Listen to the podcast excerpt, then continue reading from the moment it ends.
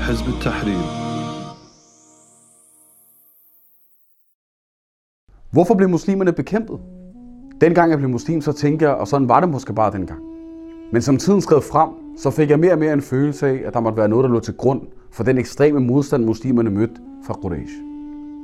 Der er ikke nogen tvivl om, at Quraysh havde et enormt problem med ideen om at tilbe Allah som den eneste Gud.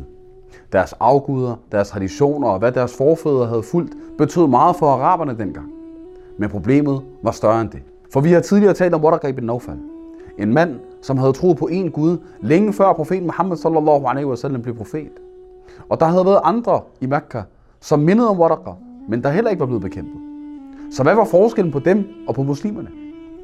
En af de mest slående forskelle var, at profeten sallallahu alaihi wasallam i modsætning til de her andre mænd, udfordrede Quraysh med sit kald til islam. De blev udfordret på deres normer og på deres værdier, og deres idoltilbedelse blev kritiseret, og deres uretfærdighed blev udstillet, og Quraysh kunne mærke, at det her kald var en trussel imod deres autoritet.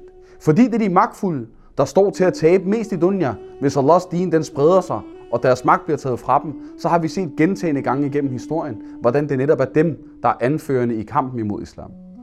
Da Musa a.s. og Harun blev sendt til Fir'aun, fortæller Allah om deres reaktion. قالوا وجئتنا لتلفتنا عما وجدنا عليه آباءنا وتكون لكم الكبرياء في الأرض وما نحن لكم بمؤمنين Er du kommet til os for at vende os bort fra det, som vores forfædre fulgte, og for at I to kan få herredømmet i landet? Vi vil aldrig tro på jer. Og her er der en pointe, som er særlig vigtig for os i dag. For der er en opfattelse blandt nogle muslimer, som lyder, at hvis vi bare er gode medborgere, så vil den hets og det pres, vi mærker som muslimer, aftage helt af sig selv. Hvis ikke vi opfører os ordentligt, og hvis vi ikke er kendt som gode naboer, så er det klart, at de ikke kan lide os. Men hvis det bare var det, kampen mod islam handlede om, hvorfor bekæmpede de så profeten sallallahu alaihi wasallam, som havde den bedste opførsel og var den bedste nabo? Der er ingen tvivl om, at vi skal opføre os ordentligt som muslimer. Det her det er en del af at efterleve profetens eksempel, sallallahu alaihi wasallam.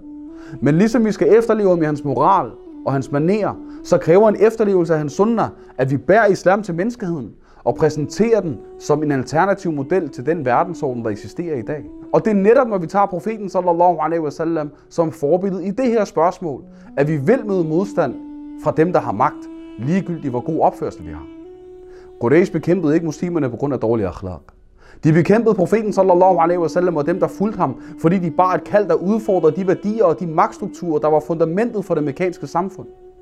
Quraysh var stålfaste på at nedkæmpe kaldet til islam.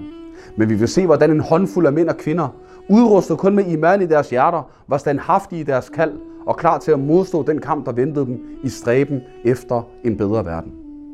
Muhammad nabina binuru هدينا من مكة حبيبي نور سطع المدينة.